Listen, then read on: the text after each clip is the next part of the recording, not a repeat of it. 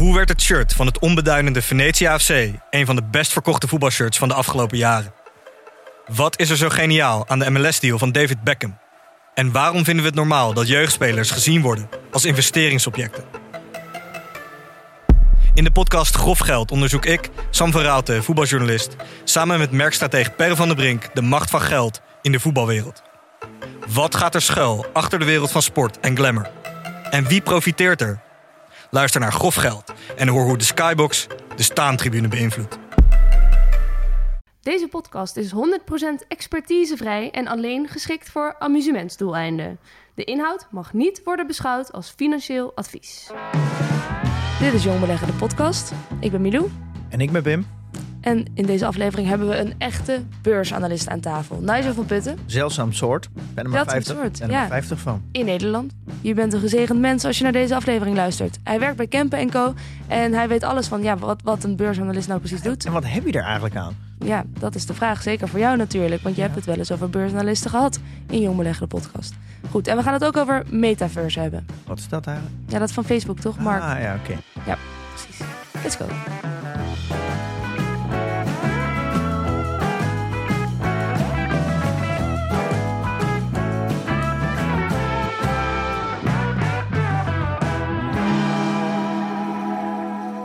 Wat doet nou een analist? Ja, en wat is de invloed van een analist? en wat heb je eraan? Ik ben heel benieuwd. Vind jij jezelf belangrijk, Nigel?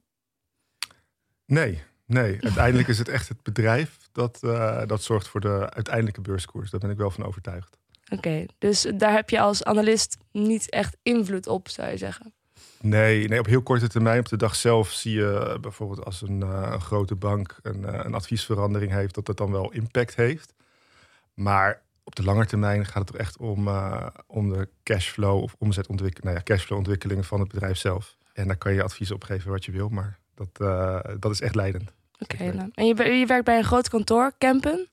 Ja, Kempen Co. Kempen Co, Kempen Landschot. Het is allemaal, het zit een beetje aan elkaar verbonden. Dat is dat grote gebouw daar op de Zuidas, vlakbij mijn huis. Dat zie ik wel eens. Ja, klopt. Want op de bovenste verdieping staat Van Landschot Kempen. En Van Landschot is eigenlijk de private bank die ooit Kempen Co heeft overgenomen. En het is dus eigenlijk een soort van fusiebedrijf waar je aan de ene kant de institutionele tak hebt, waar, eh, waar Kempen op actief is, zowel als vermogensbeheer als advies. Mhm. En de andere tak is, is de private bank. Oké.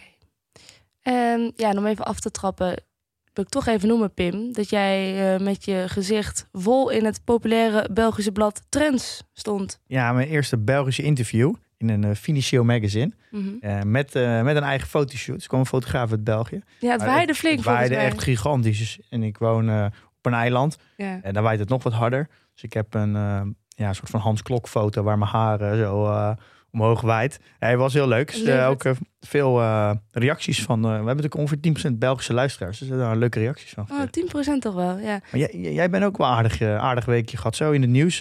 Nederlands Ja. Dagblad, Leeuwarden Courant en Linda Meijden podcast. Ja, die in de kranten die moeten nog verschijnen. Maar daar had ik inderdaad wel eh, fotoshoots voor.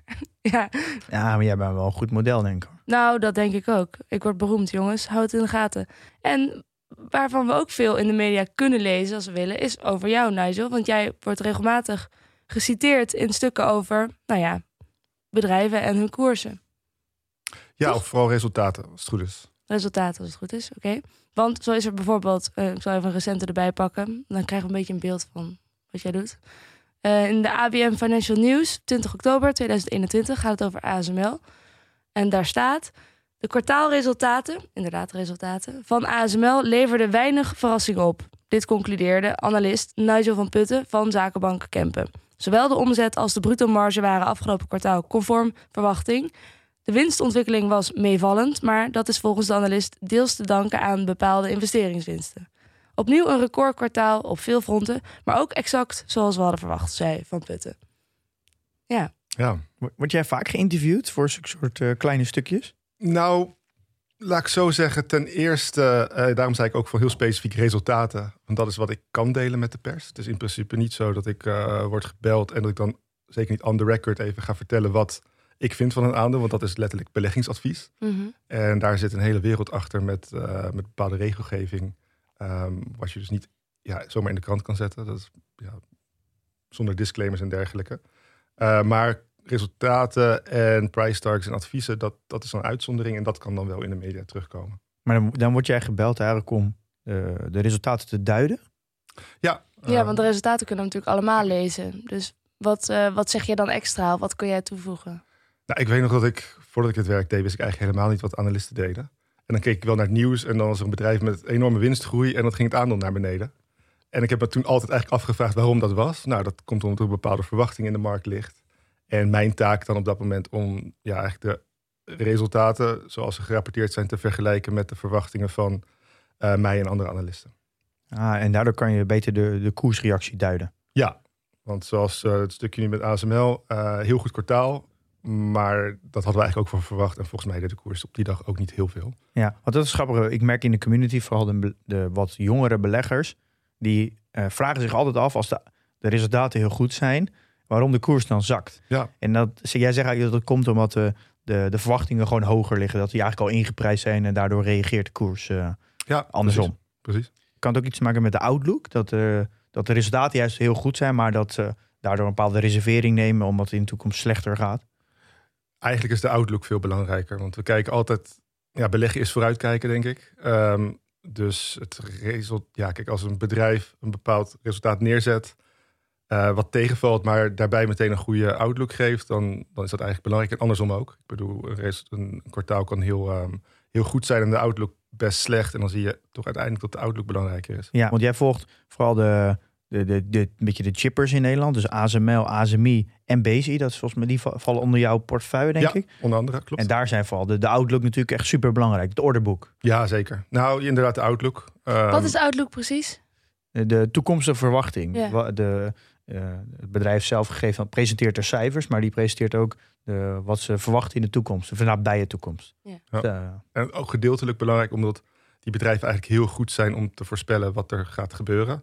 Dus eigenlijk is die guide meest, de, guide, de guidance, de outlook, is meestal eh, in de prik. En daarom kijk je alweer naar het kwartaal verder. Want daar zit zeg maar de nieuwe informatie. ja, want kijk je altijd maar een kwartaal verder? Eh, nee, tuurlijk niet. Maar je krijgt een outlook over vaak één kwartaal. Dus die vergelijk je dan met je verwachtingen. Ja. Eh, maar ja, het blijft niet bij het kwartaal. Als, als in dat kwartaal in één keer een omzetgroei laten zien die sterker is... of een marge die veel, veel zwakker is... dan heeft dat in principe ook invloed op de kwartalen en jaren daarna. Ja. En daarom zie je ook best wel heftige beweging op wat misschien een heel kleine aanpassing lijkt soms. Ja, omdat het er doorgerekend wordt. Ja, precies. Ja. Ik Wat- weet, eh, Pim is altijd best wel kritisch op eh, analisten. Hij, laat, hij zegt daar wel eens dingen over van ja, ze zijn vooral heel erg van het algemene en ze hebben weinig specifieke kennis. Dus wat denk jij? Ik denk eh, dat er heel veel analisten zijn. Ja, hoeveel ongeveer, denk je? Ik denk in Nederland, poeh, niet zo heel, een stuk of 50 denk ik. Oh, dat valt dan best mee. Ja, En hebben die wel echt allemaal hun eigen idee of, of komt dat ook heel vaak overeen? Maar er zijn toch wel meer dan 50 analisten. in Nederland denk ik. Wel. alle vermogensbeheerders Ja, hebben ook analisten. Eh, pensioenfondsen hebben analisten. Nou, alle...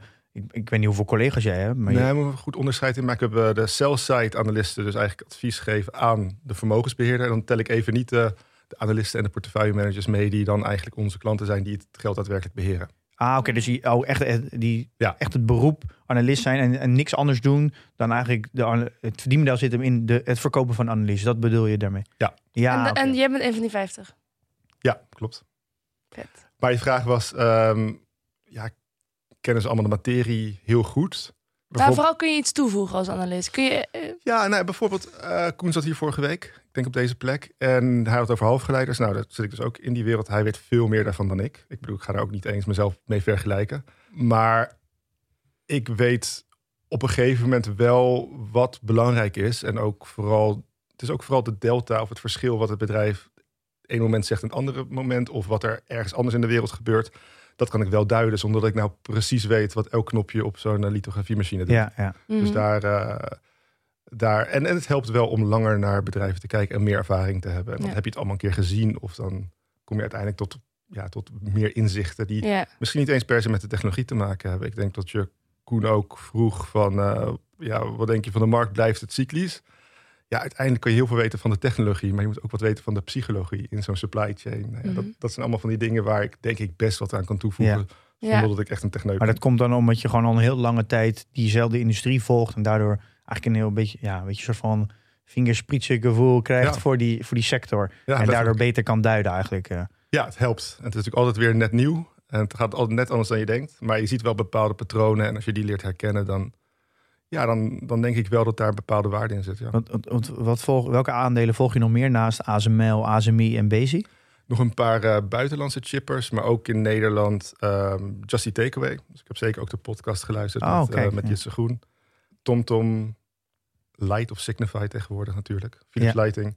Ja, en nog een paar bedrijven in Ik België. zag en CM, zag ik ook langskomen. CM, zag ik sorry, ook ja, eh, klopt. En ook nog een aantal, kijk, ik vind het best een interessante sector. Dus ook, ehm, ook bedrijven uit Zweden en Noorwegen. de, de concurrenten van CM. Precies, ja. Ja, want je, je volgt dan een, een groepje bedrijven vooral in technologie. En eh, kan, je, kan je wat meer vertellen over wat is jouw output dan? Waar, waar, wat creëer jij eigenlijk als je die bedrijven volgt? Ja, goeie. Ehm, nou, onder andere dus reacties op de resultaten. Maar dat is maar een klein deel. Ehm, het, het echte werk in principe is het produceren van rapporten. En wa- wat voor soort rapporten? Eh bedrijfsspecifieke rapporten. Dus ehm, een bepaald ja, investeringsidee eigenlijk werk je uit in zo'n rapport. Kan ook thematisch zijn of over een sector. Eh, dus dat verschilt een beetje. Maar het is het idee dat je wel eh, uiteindelijk uitkomt op een bepaald advies. Zij het kopen, verkopen, houden met een bepaald price target op, op de individuele bedrijven die je volgt. En naar Ja. wie gaat dat advies dan?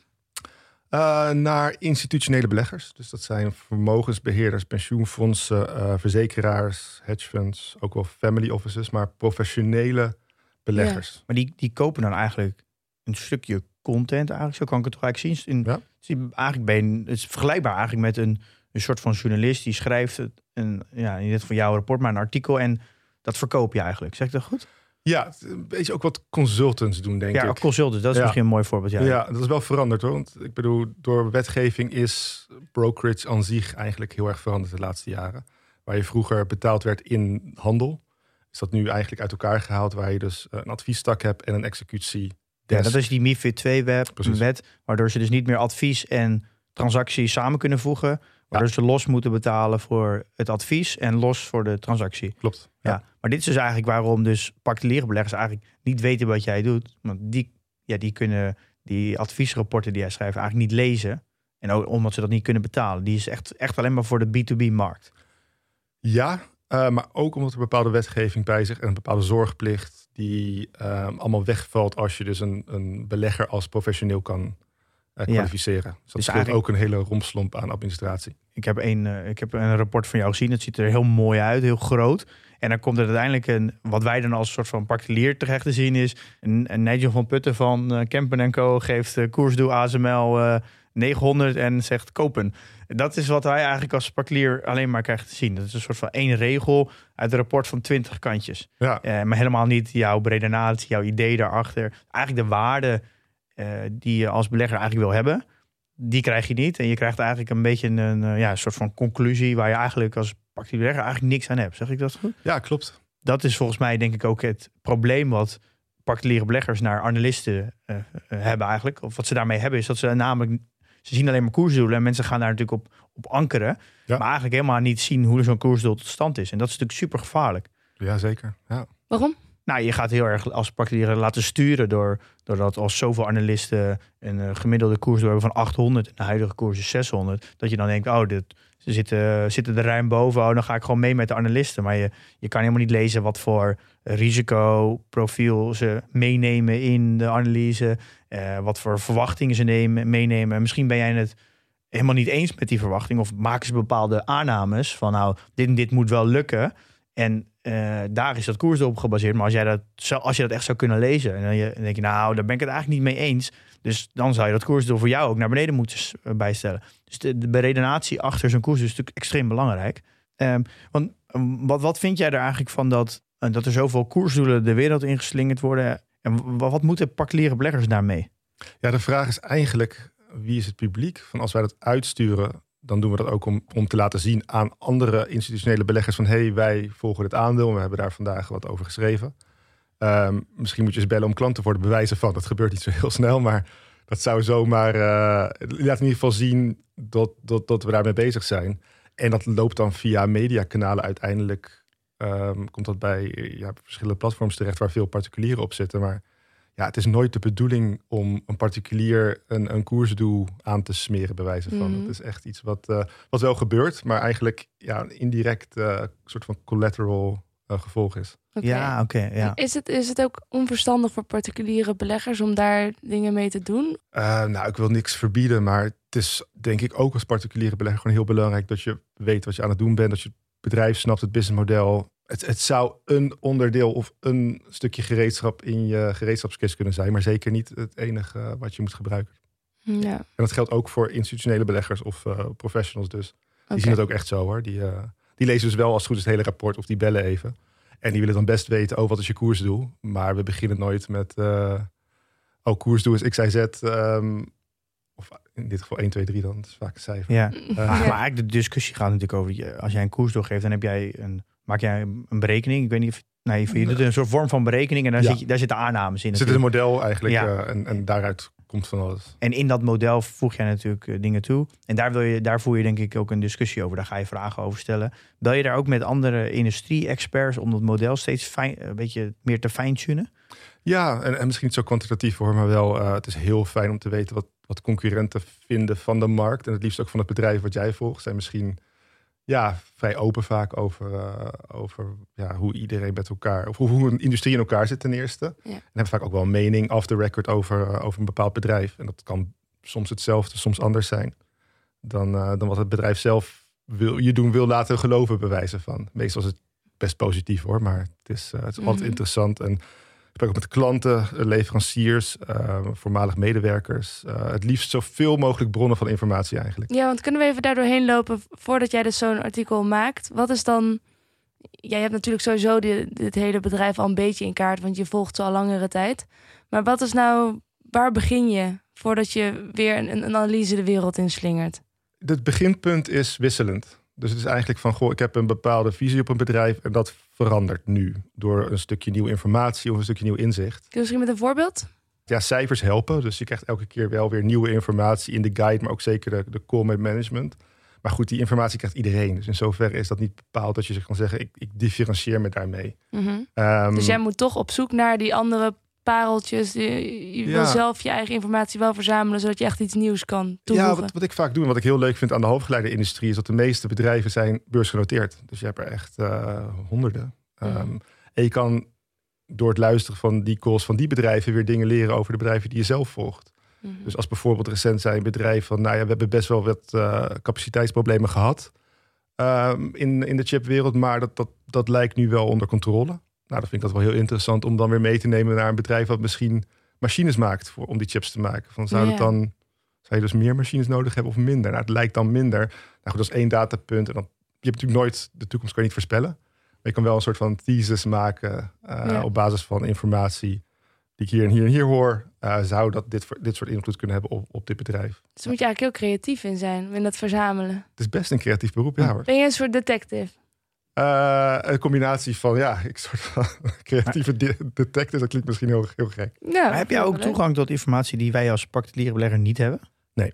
Waar jij, wat jij leest en ziet, dat zou ik ook kunnen zien. Ja, en natuurlijk dus bellen met mensen en dergelijke. Maar het is, het is vooral heel veel werk, kost heel veel tijd. Maar wij hebben expliciet geen, eh, geen toegang tot informatie die niet elders beschikbaar is. Dat zou echt... eh, Maar nou, maar je- bijvoorbeeld als je mensen belt, Ja. je hebt een netwerk, dan heb, daar heb Ja. Dat, dus je bouwt wel door de jaren heen een netwerk Ja, op, die jij klopt. makkelijk eh, kan benaderen, waar je ook heel veel informatie uithaalt die ik, die ik bijvoorbeeld niet zou hebben. ja, dat klopt. Dus je, je, hebt wel, je hebt gewoon een soort van Rolodex met allemaal industrie-experts die je even belt om, eh, om te horen hoe het gaat. Ja, of- Ben je ook CEO's? Eh, ja. ja, die zijn best open hoor. En, en die snappen ook van... Kijk, wij zijn als analisten eh, natuurlijk ook een manier om voor hem of haar indirect met beleggers te praten. Dus hij kan het ook niet allemaal zelf spreken. Dus als hij mij informatie geeft, hopelijk gewoon eerlijke informatie natuurlijk, dan, eh, dan zou dat best tot ook weer een moment kunnen leiden dat ik wat meer over het bedrijf zeg, wat ook weer bij beleggers terechtkomt en hem of haar in zoverre helpt in eh, communiceren met de markt. Ja, Ja, oké. Als jij een rapport schrijft en een eh, pensioenfonds die neemt dat rapport af en gaat aan de hand van dat rapport, onder andere dat rapport, een positie nemen, dan heb jij natuurlijk een, eh, voor, ja, een hele een belangrijke rol vanuit de CEO gezien. Ja, en zo worden wij ook wel gezien hoor. Worden ook echt, wacht, wel, ik heb heel veel respect voor mensen die echt een heel groot bedrijf runnen. Maar ze zijn verrassend open met, eh, met analisten. En nogmaals, we we spreken ze vaker in, in calls en dergelijke met meerdere tegelijk. Het is niet vaak dat je apart gebeld wordt. Ook omdat je dat misschien niet eens wil. Want wat voor informatie zou je kunnen delen wat niet met anderen gedeeld kan worden. Ja. Ehm, maar zeker als ik bijvoorbeeld bel met specifieke vragen, dan, eh, dan wordt daar uiteindelijk vaak wel tijd voor gemaakt. Ja. Want eh, die- als ik bij zo'n earnings call zit, zie als het laatste half uur zijn vragen. Ja. Jij, bent ook al, jij zit er ook altijd tussen. Niet altijd. Maar jij, jij hebt wel eens ook een vraag ja, gesteld. natuurlijk. Ja. Oh, wat leuk. Ah, ik vind dat eigenlijk het meest interessante stukje altijd. Van, eh, het zijn vragen die ze natuurlijk van tevoren niet kunnen voorbereiden. Waardoor je ook veel meer emotie van de CEO ziet. Ja. En, eh, en je gaf aan dat je, je volgt denk ik, als ik zo verstaan, een beetje acht aandelen, denk. Negen aandelen. Nou, Ja. iets meer dan tien volgens Tien. mij. En doe je dat echt helemaal alleen? Of werk je altijd in, met, een, met een schrijver op bord met meerdere mensen? Dat je ook mekaars ideeën kan, eh, kan pingpongen. Wij hebben bij Kempen ook, ook echt teams die sectoren met, eh, met meerdere analisten volgen. Eh, vastgoed en ook life science of, of biotech. Het team waar ik in, waar ik in zit is, is, ja, is wel een team, maar wij volgen eigenlijk allemaal onze eigen aandelen. En natuurlijk heb je het met elkaar erover. Maar ik schrijf op dit moment althans eigenlijk alles zelf. Maar hoe ziet zo'n eh, zo'n dag van jou er dan uit? Ik vind het toch een heel vaag beroep eigenlijk. Je bent een soort detective, ook een soort journalist bij. Je moet me kritische vragen stellen. Hoe, wat doe jij door de week? Ja, nou, de dag begint altijd wel heel op dezelfde manier. Dus je hebt, je hebt nu cijferseizoen, earnings season. Het is een aantal weken per kwartaal waarop eh, heel veel bedrijven, allemaal tegelijk helaas, eh, persberichten de wereld insturen met de cijfers en dus de outlook. Nou, ik heb wel een kalender waarin ik, in principe weet wanneer dat gaat gebeuren. Mhm. Dus dan zorg ik dat ik om zeven uur helemaal klaar zit. Het is vaak om zeven uur. En dan in principe probeer ik het stukje dan, wat uiteindelijk dan in de krant terechtkomt, eh zo vroeg mogelijk uit te sturen. Want? Ja, misschien heb je die film gezien. ehm, Wolf Wall Street. Nee, Oh. margin call. margin dat, is, call, dat die CEO zegt, you have to be first cheat or uh, Oh, ja. smart. Ja, anyway. En I don't cheat. Precies. Dus, Ja. dus in dit geval, op zo'n dag wil je de eerste zijn. Die, eh, die iets de wereld instuurt. Ja. Ehm, en we hebben ook altijd een morning meeting om 8 uur 10. En daar eh, informeren we elkaar over. Dus de analisten die komen dan met nieuws over hun bedrijven, maar ook andere traders en dergelijke. Die, die geven ook informatie over wat zij zien in de markt of wat, eh, waar klanten geïnteresseerd in zijn en dergelijke. Maar nog even terug, want wat dan als je niet first bent? Eh, nou, op zo- ja, het ligt eraan. Op, op zo'n dag als iedereen, wat Pim zegt, het persbericht in principe krijgt. Ja, wat voor echte waarde heb je dan nog? Als je al vijf analisten een, een stukje van hebt gehad, dan is op dat moment vaak niet de zesde stukje zo interessant. Dus je wil, je wilt vrij snel de wereld in hebben, zodat je... De eerste bent en niet Ja, een marginale beursanalist wordt. Ja. Ja, Maar eh, lukt dat vaak? eh, jawel. Je ja, je, je bereidt je voor, zeg maar. Dus ik heb altijd een tabelletje dat ik de cijfers snel kan inkloppen. Van, en dan zie je meteen waar de delta, sorry, het verschil zit. Tussen wat je verwacht en wat er wordt gerapporteerd of wat er wordt verteld over de toekomst. Ja. En dan weet je meteen waar je moet kijken of wat je, eh, waar je op moet focussen. Dus Maar, maar dit doet natuurlijk iedereen, elke beursanalist. ja, nee, maar ik denk ook dat. Kijk, er moeten mensen zijn die de cijfers interpreteren. Want eh, ja, bedrijven die rapporteren wel cijfers. Ook omdat accounts dat op een bepaalde manier willen. Maar het is niet per se interessant ehm, vanuit een beleggingsperspectief. Ja.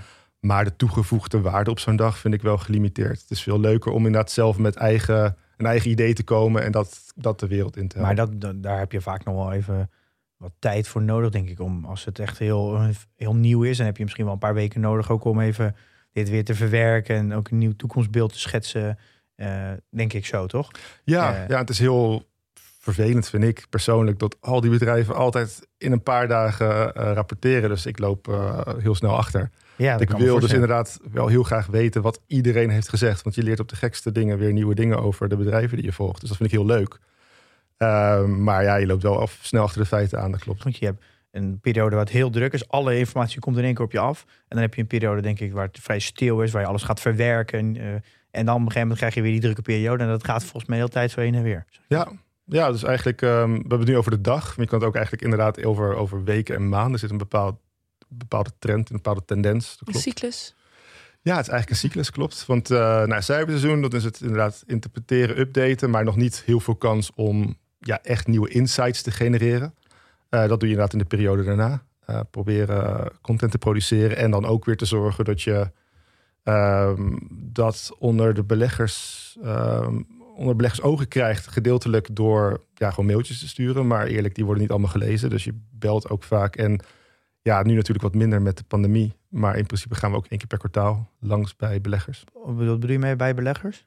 Bij, nou, dat, Bij jouw klanten eigenlijk? bij mijn klanten, ja. inderdaad. Ja, oké. Ja, want is, is er bekend wat voor soort klanten jij hebt? Kan je dat delen? Eh, ja, misschien niet specifieke namen, maar eh, vermogensbeheerders, die heb je als pensioenfondsen, als ehm, verzekeraars, hedge funds, family offices. Maar die nemen dan een, een pakket af bij jullie. Dus bijvoorbeeld, ik wil alle technologie aan. Of willen ze specifiek van jou? Of, of nemen ze één specifiek bedrijf af? Nee, we doen niet een specifiek bedrijf. Dat is denk ik voor ons niet eh, interessant commercieel. Ehm, maar in principe kan je koop research toegang kopen voor bepaalde sectoren. Dat klopt, ja. Oh, dus je hebt, jullie hebben gewoon een soort van eh, terminal-achtig ding. eh, of in ieder geval een inlog. En je krijgt gewoon abonnementen eigenlijk op, eh, op een sector of op alles. En Kunnen betaal je- aanklikken inderdaad. En dan ja. krijg je gewoon een, je gewoon een maandbedrag voor. En dan krijg je gewoon altijd toegang tot, tot de rapporten. Ja, heel goed samengevat. Maar het kan dus zomaar zijn dat grote bijvoorbeeld pensioenfondsen bij meerdere partijen denk ik uh, alle analyses inkopen, denk ik. En dan ook gaan vergelijken. Dus dan hebben ze natuurlijk twee keer of drie keer ASML. En dan gaan ze een beetje kijken van waar, welke aannames zijn er gemaakt en wat voor Ja. wat is het idee erachter. Zo kunnen ze eigenlijk zelf een mening vormen aan de hand van meerdere eh, rapporten lezen. Ja, ik bedoel, eh, wat Milo al zei, er zit een bepaalde creativiteit in. Dus wat ik schrijf over ASML kan heel anders zijn dan wat iemand anders schrijft. En beide kunnen interessant zijn. En eh, ja, nogmaals, ik denk dat professionele beleggers en ook particuliere beleggers, als het goed is, dus heel veel werk zelf doen. En puur die input gebruiken van, hé, hey, dat is interessant wat je hier vertelt. Vertel me er meer over. Wat is je aanname en, en hoe kom je tot deze conclusie? Ehm, en ja, dan helpt het denk ik wel om, om meerdere bronnen van informatie te hebben. Klopt. Ja, want is dus een, een analist ook een goede belegger? Ja, een goede vraag. Het is niet hetzelfde. Hoezo is dat niet hetzelfde? Nou, ik volg dus in principe ehm, een aantal bedrijven. Ik probeer het een beetje als sector eigenlijk zelf te zien. Omdat ik dan, ja, wat ik net al zei, eh, ergens iets kan leren wat ik ergens anders weer kan toepassen. Maar ik zit soms wel op de details. Dat je echt heel diep in de, in de materie zit. En of je daar per se een betere belegger van wordt, dat is niet gegeven. Nee, maar dat is dus dan wel heel interessant wat je zegt. Want dan zeg je dus eigenlijk dat je dus een, dus een kennisvoorsprong als belegger zijn er niet toe doet. Eh, dat volg ik je niet helemaal. Want nou ja, jij weet alles ervan. Of in ieder geval meer dan degene die het rapport afneemt. Eh, jij die zit er een hele dag mee bezig. Ja, Dus, dus die, die kennisvoorsprong die je hebt, die kan je dus niet altijd omzetten om ook een betere belegger te zijn. Dus, dus, dus meer kennis betekent niet dat je een betere belegger bent. nou, ik, ik- sorry, ik had moeten zeggen, ik mag niet beleggen in de aandelen die ik volg. Dat mag je niet doen. Nee, ook dat, ja, Oh, wat onhandig. dat is wel onhandig, maar ik denk ook wel goed Is dat dat niet mag. Het is misschien ook wel goed, maar ik snap Ja. wel dat het niet leuk is. Ja, want dat is Ja. de regel omdat je dan de koers kan gaan beïnvloeden als je Ja, natuurlijk. Dat positief over bepaald. eh, ja, dat, dat wil je niet een soort van frontrunnen op mijn eigen Ja. posities. Wel mooi. Ja. Ehm, maar laat ik zeggen, het, dus ik bedoel meer te zeggen van een gedeelte van het werk is meer het ondersteunen van het beleggingsproces. Zonder dat je dan per se meteen zegt, oh, ik ben een betere belegger. Het, het scheelt gewoon heel veel tijd. Wat ik doe voor beleggers bijvoorbeeld. Ik kan heel veel dingen uitzoeken, of heb ik al gedaan, omdat ik die bedrijf, bedrijf al jaren volg. Ja. Ehm waar ze dus gewoon misschien in een uurtje mij spreken, bewijzen van drie dagen werk kunnen, eh, kunnen skippen. Ja, oké. dat is ja, een gedeelte waar ik mee bezig ben. Daarom zeg ik van, het is niet per se dat ik dan een betere belegger ben. Want ik help beleggers op bepaalde punten. Maar ja, het heeft natuurlijk wel om, om kennis te hebben. Maar dat is natuurlijk het dan wel het interessant. Jij verzamelt dus zoveel informatie en je brengt dat samen in een rapport. Maar je, eh, de conclusie, die moet je uiteindelijk als belegger zelf trekken. Eh, en jij, wat het enige wat jij doet is, maar je verzamelt alle belangrij- belangrijke informatie, zodat iemand het heel snel kan consumeren.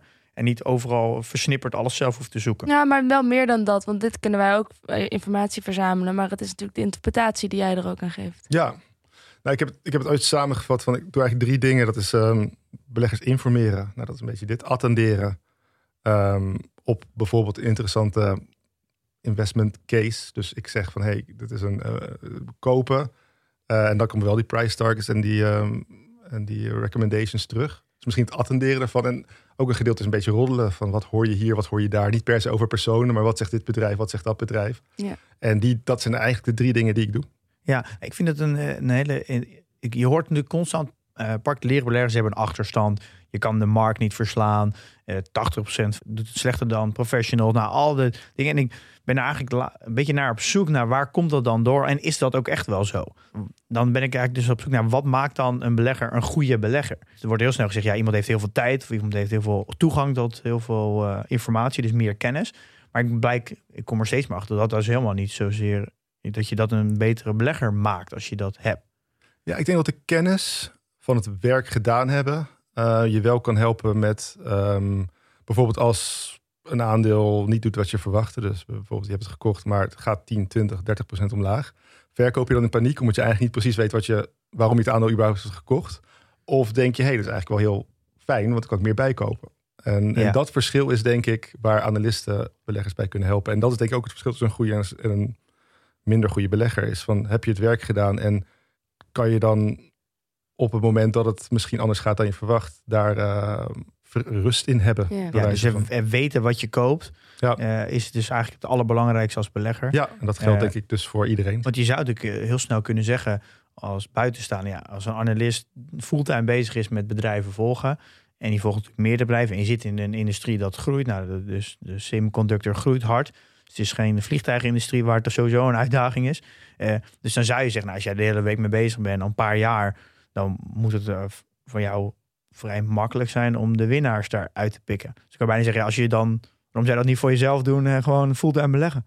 Nou ja, daar moet je bepaald kapitaal voor hebben ten eerste. Ja, dat is waar. Eh, ja. Maar nee, ik, ik beleg zelf ook ehm, in, in halfgeleiders. Ja, klopt. Dus niet de namen die ik zelf volg, maar gelukkig zijn er dus heel veel beursgenoteerd, vooral in de Verenigde Staten. En dat is in principe Ah, ja. mijn hele portfolio. Klopt, Oh, dus ja. oh, dat, dat, dat is eigenlijk de. Je mag niet de bedrijven bezitten die je volgt. Ja. Maar je mag wel Ja. eh, concurrenten of je voor in dezelfde Ja, industrie bedrijven Dus wel. letterlijk een concurrent van ASML. Ja. Ja, oké. Eh, Maar uiteindelijk is dus ehm, wat je als beursanalist wel hebt, namelijk toegang tot meer informatie, omdat je een netwerk hebt in die wereld en je kan mensen eerder bellen, telefoon oppakken van hé, hey, hoe zit dit? Die toegang is dus niet zaligmakend, zeg je eigenlijk. Eigenlijk is het belangrijkste dat je eh, weet waarom je iets koopt en afspraken met jezelf maakt. Ik denk uiteindelijk wel, ja. z- zou ik als particulier ook de, de rapporten kunnen kopen bij, eh, bij Van Kempen? Of is dat voor echt onbetaalbaar voor mij? Of is het gewoon, mag dat gewoon niet? als- Nee, dus de, nee dat, dat mag niet eigenlijk. Want jij bent eh, niet volgens MIFID 2 professioneel. En, je bent ehm, een kleine speler, Pim. Ja, dan hebben we een grote zorgplicht en dergelijke. Dus Ah, oké. Niet professioneel. Oké. Thanks. En dat, dat is die, de, de MIFID-wet. Die, eh, is, die, Ja. daar- Dat is de, de scheiding tussen advies en... eh, Ja, En en daar zit heel veel komt daarbij kijken, inderdaad. En zeker ook het verschil tussen particulier beleggen en ehm, professioneel, misschien institutioneel beleggen. Ja, is, is het vak daardoor ook veranderd door die nieuwe wet? Jazeker, ja. Want ik, de, de, ik denk dat het aantal analisten wel is geslonken sinds die wet. Want het, is, het verdienmodel is veranderd. Ja, klopt. Het is ook een wet die met heel goede bedoelingen is geïntroduceerd, maar volgens mij niet helemaal lekker is uitgewerkt. Maar goed, dat is misschien voor een andere podcast. Nou, ik wil wel weten, wat waren de goede bedoelingen?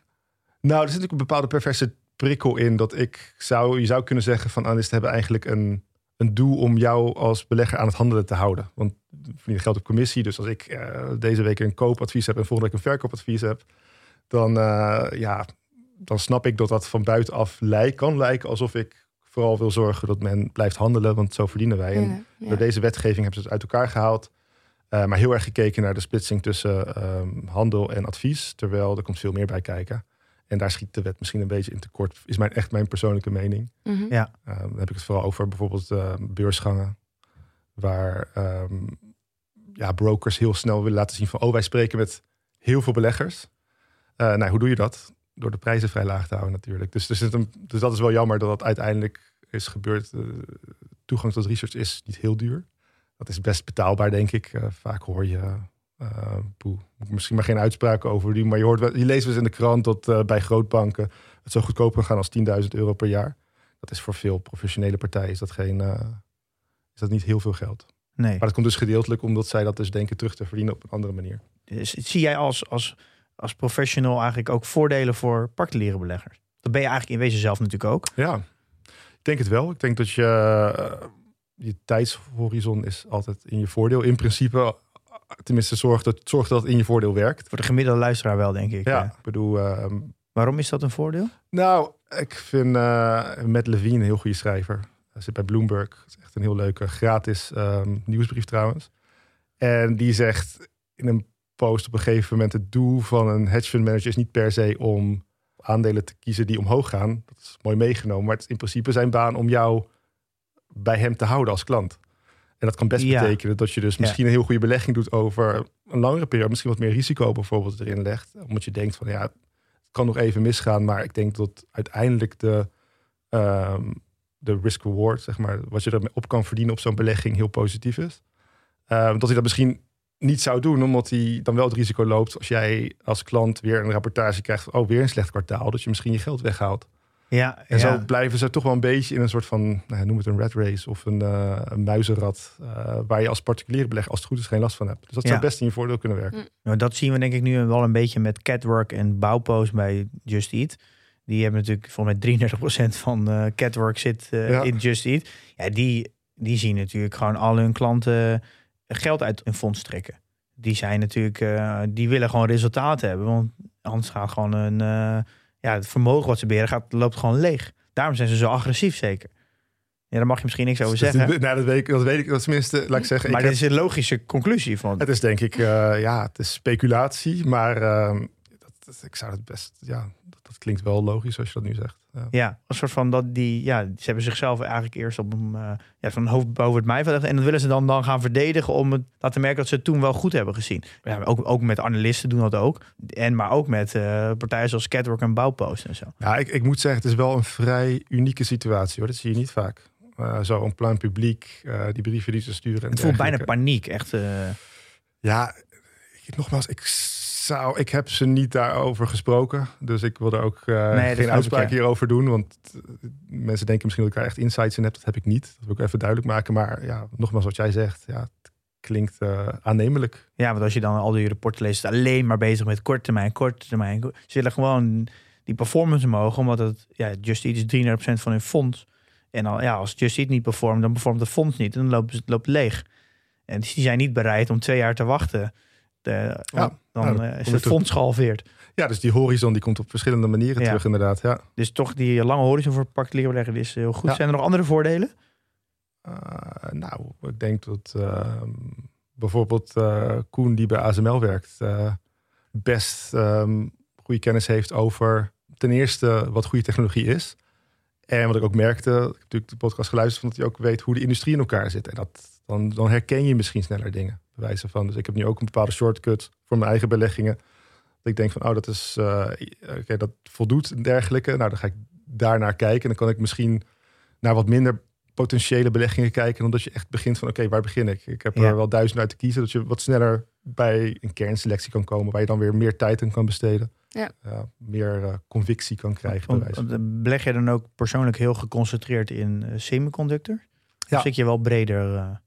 Ja, ook een beetje dus cloud communications. Maar ik hou het heel dicht binnen mijn circle of competence. Ja, Ja. klopt. Hoe, hoe zie jij dan het stukje spreiding, waar, het al, waar altijd iedereen het over heeft? Je moet goed spreiden. Ik denk dat het, als je echt wil spreiden, koop dan een ETF.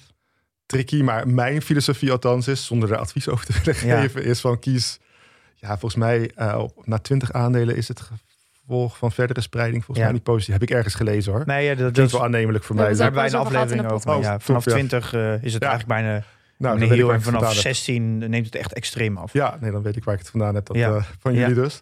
heb Ja. ik dan maar als waarheid aangenomen. En het klinkt ook aannemelijk. En ja, je moet ook inderdaad maar de tijd hebben om naar al die aandelen te kijken. En inderdaad, als je er straks 100 hebt, koop dan gewoon inderdaad een soort van tracker. Dan Ja, nee, dat heeft heel veel tijd. hè? Nee. Ja. En zie jij dan ook eh, sectoren, de spreiding over alle sectoren? Zie je dat ook als een, een nut?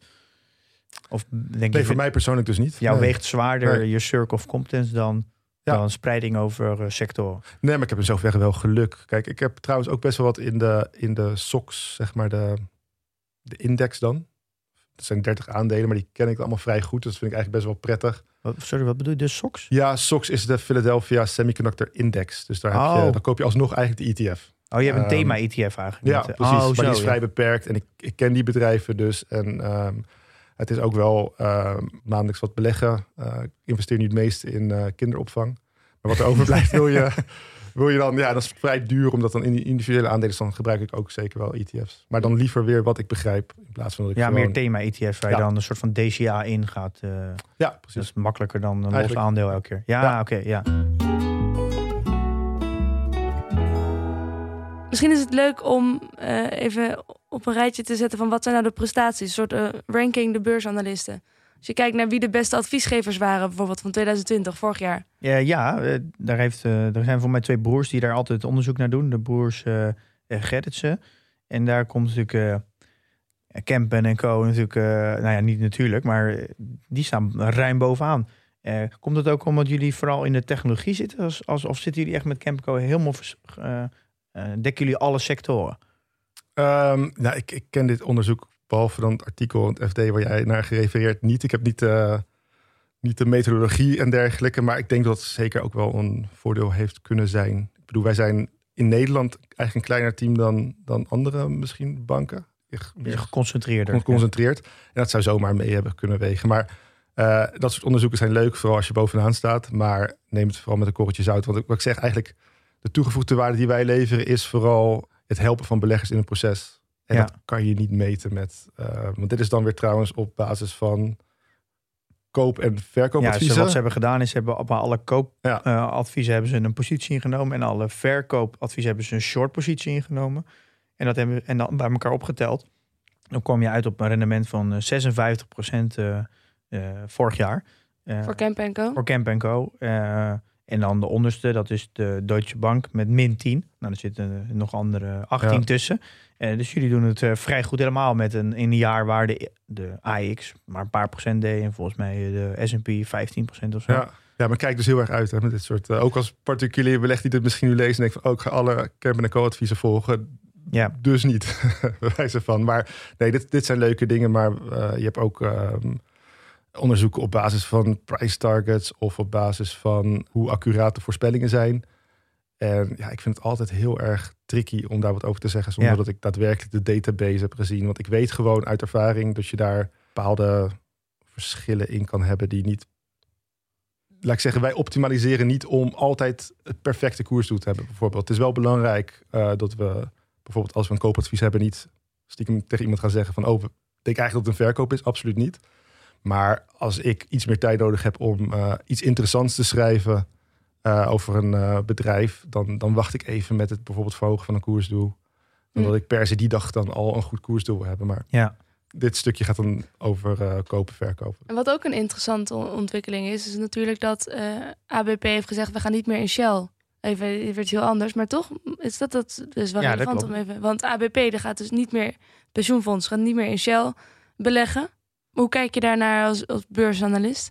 Ja, ik heb daar niet echt. ehm, nee, dat zou echt op persoonlijke titel Nee, moeten. Nee, ik, heb, ik volg dus een andere, andere sector. Ja, eh, waar dat probleem niet zo speelt, denk ik. maar heb je er een sterke persoonlijke mening over? Ja en nee. Ik had er een sterke mening over. Dan ga je toch meer lezen. En dan zijn het ook maar net mensen die bij Shell werken. Het zijn ook niet allemaal. Het zijn ook mensen die natuurlijk iets goeds willen voor de wereld. Dus De eh, mensen die bij Shell werken. Ja, ik denk in principe ook. Ja, die hebben ook kinderen en dergelijke. Dus het is misschien zou je ook kunnen zeggen van joh, werk met Shell om te kijken waar. Maar goed, Ja. Ik heb wel zoiets zelf van. Ik, ik beleg liever niet in, eh, in schadelijke industrieën. Of dat nou eh, olie is of, of wat dan ook. Ja, daar heb je echt voor je, voor je als persoonlijk belegger een duidelijke mening in. Van eh, heel veel industrieën mijt ik echt gewoon. Nou, ja, ik beleg voor, voor mijn kinderen eigenlijk. En eh dat vind ik wel leuk om dat dan te combineren met soort van je, de wereld die je wil. Is misschien Ja. wel goed. Dan heb je dus een beetje, je kan stemmen met, ja, met, met je stem ook met, met geld. Ja. En eh, zo zie ik dat wel een beetje, eh, de combinatie. Maar ik ben er niet heel erg mee bezig, nee. Binnenkort komt er denk ik een, eh, iemand, een vrouw, de eerste vrouwelijke gast over echt duurzaam beleggen. En gaan we dit dilemma ook voorleggen. Over dat je, wat is nou beter is, nou de benen pakken. Is het nou beter om in gesprek te gaan. Samenwerken, ja, samenwerken. uitsluiten. Wat eh, Follow This bijvoorbeeld doet. Want doordat ABP weggaat, valt wel een hele grote steun van, van Follow This weg. Ja. Dus als alle pensioenfondsen uit Shell gaan, dan eh, krijgt Follow This straks nooit meer de meerderheid. Want alle aandelen die ervoor terugkomen, dat zijn allemaal hedge funds en zo, die gaan Follow This niet steunen. Dus daardoor is eigenlijk de hele revolutie die Follow This wil bewerkstelligen, die valt nu straks in het water. Daar kan ik ook weer wat van zeggen. Eh, Ik, ik weet het antwoord niet, maar in ieder geval, er is van alle kanten is wel wat te zeggen. En het, uiteindelijk is eh, Shell wel de grootste, eh, geeft het meeste geld uit aan duurzame energie. Dus ja, relatief gezien aan de omzet is niks, maar het is wel de grootste in de wereld. Dan- Ja, ik, ik, ik, ik had Ja. gisteren nog met iemand erover. Het is nu ook met, met bijvoorbeeld het chiptekort, wat misschien nu weer een aluminiumtekort gaat worden, of een tekort aan havencapaciteit in de US. Het is echt een heel complexe wereld. En dit is ook weer zo'n heel complex vraagstuk, Ja, waar je gewoon niet heel snel ehm, kan zeggen, oh, dit is beter dan dat. Nou, in ieder geval leuk om eh, een keer een, een kijkje in de keuken van een beursanalist te krijgen. We hebben het vaker over gehad. Toch, Pim? ja ik, ik, moet, ik wil nog wel één ding toevoegen dat ik toch... ja, ik, ik ben er toch een beetje de, de, de voorvechter voor de, de Voor de particuliere particuliere belegger. En ook een beetje de emancipatie van de particuliere. Ik denk dat we naar een veramerikanisering van ons stelsel gaan. Dus dat we het vangnet wat we van vroeger kenden, die gaat steeds meer weg. We moeten steeds meer voor onszelf zorgen. Eh, we gaan ook in een tijd met lage rente en inflatie. Veel meer ZZP'ers. Veel mensen zonder pensioen. Jonge we- mensen die meer in vakbonden ja, we willen. moeten het allemaal zelf gaan regelen. En ja, ik ben er voorvechter om het gat tussen de professional en de particulier te verkleinen. En ja, jouw beroep zorgt wel, nou je zorgt niet zozeer, maar je, jouw beroep is, staat, zit wel in die tweedeling. Dat je heel bewust, eh, eh, ja, je bent een, ja, een, in principe een hele hefboom, want je verzamelt heel veel informatie. Maar dat zet je dan alleen maar weg bij de, bij de businessklant. En ik zou natuurlijk heel graag willen dat jij dat jou, jouw rapporten natuurlijk ook eh, als een soort van Febo-apparaat eh, be- beschikbaar zijn door gewoon eh, een eh, paar euro's in te gooien. En dat ik daar een rapport voor jou kan uittrekken. Ik vind het dat- knap hoe je begint over Amerikanisering en allemaal mooie termen en eindigt met een Febo-apparaat. Ja, nee, maar dat kan gewoon. Ja, dat kan jij. Creativiteit heb je nodig, hoor ik net. Ja. Dat zou ik eh, heel graag willen. Ik, dat zou ik heel mooi vinden als uiteindelijk al. eh, jullie zijn allemaal hele slimme jongens. Nou, jij bent een hele slimme jongen. Met die 50 anderen. Het zou het heel mooi zijn als die allemaal ook rapporten delen die voor particuliere beleggers ook inzien. Want dan krijgen we veel meer een speelveld dat, waar, waar het voor iedereen gelijk is. Dat, dat, ja, dat zou voor mij echt een, Ja, fantastisch zijn. Ja, en ik, wij hebben het er al eerder over gehad. Ja, Eh, wat je nu op, op Substack of op Twitter ziet en dergelijke. Vooral in de US, eigenlijk nauwelijks in Europa. ja. Er zit echt heel goede content tussen. Wat ook vaak weer verdwijnt achter een paywall. En terecht. Want, eh, Ja, maar dan hebben we mooi wat, wat eh, van beter te duur dan niet te koop. Kijk, nu is het niet te koop. Maar ik, ja, ik, als het iets voor 50 of 100 of 200 is, nee, heb ik in ieder geval de optie. Nu heb ik gewoon de optie niet. Ja, dat nou- vind ik vaak erger dan dat het duur is. Maar het is natuurlijk ook wel wat je zegt. De ver-Amerikanisering. Die is nog niet heel lang bezig. Of, Nee, of dit noem echt in het begin, ja. Ik bedoel, ik begrijp wat je bedoelt met... Ja. Ja, wij zijn natuurlijk gewend, eh, als ik naar mijn ouders kijk ook, ja, je pensioen en dergelijke, dat werd allemaal heel goed geregeld. Is nog steeds best wel heel goed geregeld. Dus er is veel minder een noodzaak Voor de mensen die nu om dat zelf te. En dat merk je nu wel, een bepaalde bewustwording, dat het misschien aan het veranderen is. En daar zijn jullie natuurlijk een uitstekend voorbeeld van. Dus ik vind het interessant. Ja, wie weet wat, eh, wat de toekomst Ja. brengt. Dus eh, wie weet komt er een tijd dat eh, wij als particulier belegger gewoon eh, gebruik kunnen maken van, jou, eh, Zou wel leuk van zijn. jouw ja. kennis en van Ja. jouw rapporten. Nou ja, alleen dus ehm, wanneer het niet meer alleen niet te koop is, maar wel heel te duur is, dan kan jij er misschien gebruik van maken, maar ik nog steeds niet. Hè? Ja, maar Tot zover de emancipatie van de particuliere belegger. Nou ja, maar dan, ik, ik geloof dan, kijk, als je vanuit een businessmodel gaat bekijken, is dat, eh, er zijn natuurlijk veel meer particulieren dan bedrijven. Dus eh, je afzetmarkt is zoveel groter, echt in een factor duizend of tienduizend, nou zeg misschien wel honderdduizend, waardoor die prijs vanzelf naar beneden gaat. Dat is natuurlijk gewoon marktwerking. Daarom zijn alle producten voor particulieren gewoon goedkoop, omdat afzetmarkt gewoon heel groot is. Dus ik denk Ja. wel als dit gebeurt, dat uiteindelijk de prijs ook naar beneden gaat. Nou jongens, amen.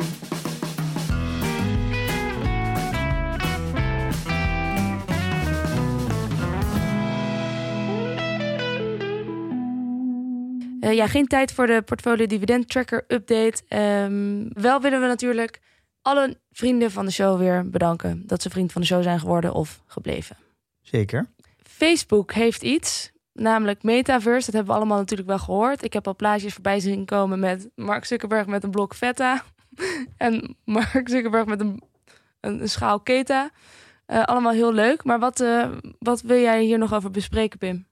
Ja, Wat valt er nog toe te Nou, ik, ik vond het wel leuk om het even met, eh met Nigel te doen. We hebben daar eh, af en toe, eh, of afgelopen weken, af en toe een, eh, een, een wo- een woordenwisseling mee over gehad. Of, eh, en gewoon een, ik bedoel, een chatgesprek. Nou, Pittige discussie, ja. ja. en nou, Facebook wordt een meta, of meta, moet ik eigenlijk zeggen, platforms. Dat wordt de nieuwe naam. Dus eh, dat platforms, dat was voor mij nieuw, maar het is dus meta platforms. Mhm. En de ticker wordt MVRS vanaf 1 december. En ehm, ze gaan dus rapporteren in twee categorieën. Family of apps. Facebook, Instagram en WhatsApp. Dus eigenlijk alle socials. Dat wordt de family of apps. En reality labs. Dat worden dus de twee hoofdcategorieën. En daar valt augmented reality en virtual reality onder. Dus AR en VR. VR. En dat is natuurlijk wel een... in, in, in, in- ja, ik- heb er nooit eerder zoiets groots gezien. Ze verdienen eh, 40 miljard per jaar. Dat is 40 miljard winst. Dat is een marge van 33 procent. Nou, dat- dus sowieso vind ik al insane. 40 miljard gewoon vrij cashflow. Dat is echt, nou, dat is echt bizar veel. Ja. En dan gaan ze 10 miljard per jaar eh, in, aan iets nieuws steken, wat, wat, wat eigenlijk totaal nog niet bewezen is. Want niemand weet of het succesvol gaat worden. Het is een soort van passie van Mark Zuckerberg. Maar hij gaat dus gewoon zijn hele bedrijf veranderen in een andere naam. Hij gaat 10 miljard per jaar voor de komende, minimaal 10 miljard per jaar voor de komende 10 jaar. Dat echt een soort van een pivot van, een, van zo'n groot bedrijf. Dat is, vind ik echt ongekend. Dat, dat kunnen we bijna niet. Dat zijn, in de geschiedenis is dit nog nooit gebeurd. Ik vind dit echt een, eh, bijna een gigantisch groot experiment. En als belegger zijn stap je in natuurlijk... je, gewoon je hele risicomodel van Facebook is gewoon compleet veranderd. Twee maanden geleden, als je een analyse over Facebook had gemaakt... en je kijkt nu naar, dan kan je die eigenlijk bijna weggooien... en eh, bijna weer opnieuw beginnen. Dus als belegger zijn is dit, kan dit best zorgelijk zijn. Ligt een beetje aan welke intenties je in Facebook belegt. Ik ben daar nog wel over nadenken dat het hele model nu wel veranderd is. Maar ik moet wel zeggen, ik was echt zwaar onder de indruk van die presentatie. Die duurde fi- 80 minuten. Ja. Ik heb nog nooit iemand zo gedetailleerd een nieuwe wereld zien schetsen. Nou, ik vond dat echt bijzonder. Dat is normaal, komt, waar zijn het al een beetje snippets en een beetje dromen. Facebook is een beetje de, of, eh, Apple de koning als het gaat om presentaties. Nou, die komen niet eens in de buurt van hoe ver zij dromen en, in, op detailniveau een toekomst schetsen. Dit is gewoon de eerste keer dat wij, dat wij een soort van beeld krijgen. Hoe gaat een metaverse er überhaupt uitzien? Ja, ik vond het echt indrukwekkend. Ik vind het knap dat je dat als zo'n groot bedrijf durft. Dat je zo'n grote wijziging in je koers, eh, ja, eigenlijk in je bedrijf durft te stoppen. Dat, dat zal je Apple, Microsoft en eh, zo, eh, Google allemaal niet zien doen. Ja, hoe is het bij jou zo geland na, zo, eh, na een week? Ja, nee, na een week, goed punt. Toen ik het filmpje zag, want eigenlijk is het natuurlijk wat ze hebben gepresenteerd, is een filmpje van wat zij denken dat de toekomst kan brengen. Eh, het is allemaal niet echt. Ze zijn er pas net in begonnen, gaan nu investeren en willen ongeveer die kant op. Eh, ik vond bepaalde dingen ook denk ik van ja, misschien wel onhaalbaar. Ook wel interessant hoor, daar niet van. Eh, maar het komt ook op een moment dat Facebook misschien in de echte wereld wat problemen heeft. En dan nu, ja, misschien heel cynisch gedacht, juist nu met dit komt, zou er ook over een paar jaar kunnen komen. Want nogmaals, dit gaat jaren duren. Ik snap wel dat ze beleggers willen meenemen van... hé, hey, wij hebben een droom, gaat wat kosten. Ja, maar dit moet toch nu? Je kan niet, je kan niet tien zeggen, we gaan 10 miljard Nee, per dat jaar klopt. uitgeven. Dat klopt. En dan, en ik weet nog, het was bij de, de earnings call, kwartaalcijfers. Ja, we gaan 10 miljard hebben, gaan we uitgeven aan de metaverse. En iedereen had, "Wa- wat de fuck is de metaverse? Dan- je- dan kan je niet twee jaar wachten om dan te presenteren Nee, wat het is.